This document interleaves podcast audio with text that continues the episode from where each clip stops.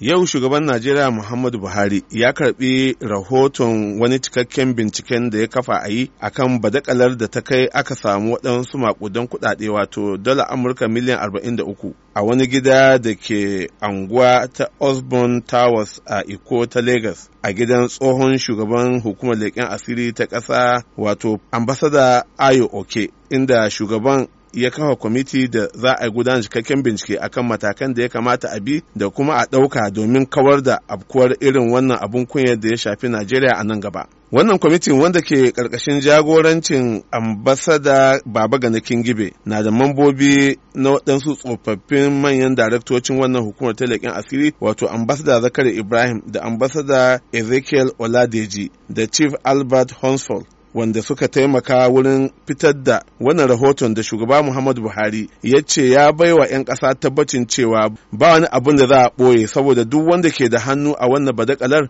zai fuskanci shari'a kamar yadda dokokin Najeriya suka tanada. Malam Garba Shehu kakaki a fadar gwamnatin tarayyar Najeriya na ɗaya daga cikin kusoshin gwamnatin da suka halarci bukin karɓar wannan rahoto ya yi min ƙarin haske dangane da matsayin da shugaba Muhammadu Buhari ya bayyana. Wannan kuɗi masu yawa da aka samu wannan ya fito a fili cewa babu wani rufa-rufa ko wani ɓoye-ɓoye da ake nema a yi dangane da waɗannan kuɗi masu ɗimbin yawa waɗanda suka kai miliyan arba'in da uku na dalar amurka wanda aka samu a wannan gida a ikoyi a lagos wanda kuma kuɗaɗe ne da aka danganta su da hukumar leƙen asiri na ƙasa aka ce su suka mallake su.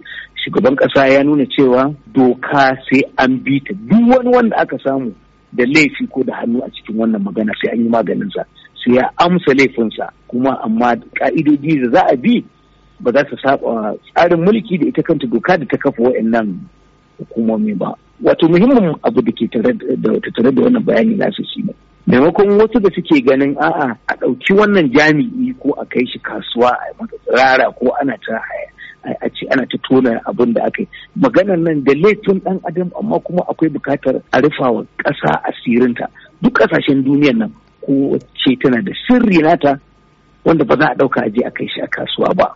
Saboda haka dole abin abi a hankali. Ita kanta dokar da ta kafa wannan hukumar leƙen asiri ta ba da matakai da ya kamata a ɗauka yayin da wani ya zo ya yi zambo ko ya zalunci yayin da yake gudanar da aiki. To sai abu wannan doka a hukunta shi. Amma ba abu a ɗauka a jarida ana yawo da shi ana tura asirin ƙasa akan laifi ba. Yanzu kana ganin cewa wannan binciken da aka yi ya taɓo yawan kuɗaɗen ma da ake zargin cewa sun wuce waɗanda aka gani a wannan lokacin da kuma mutanen da wataƙila suka ci moriyar waɗannan kuɗaɗen da aka yi watanda da su a cikin waɗansu mahimman jami'an tsaro da ake zargin cewa sun ci moriyar kuɗaɗen nan? A'a, ai wannan ba za a iya wannan bayani akan wannan ba sai yayin da shugaban ƙasa ya fasa abu ya fito da shi ya ce gashi. Maganar nan kasan mataki biyu ne akai. Akwai bincike na kwamiti da mataimakin shugaban ƙasa Profesa Oshibanjo ya shugabanta. Bayan shi ne aka kafa ita wannan kwamiti da ambasada Babagana Kingibe ya shugabanta.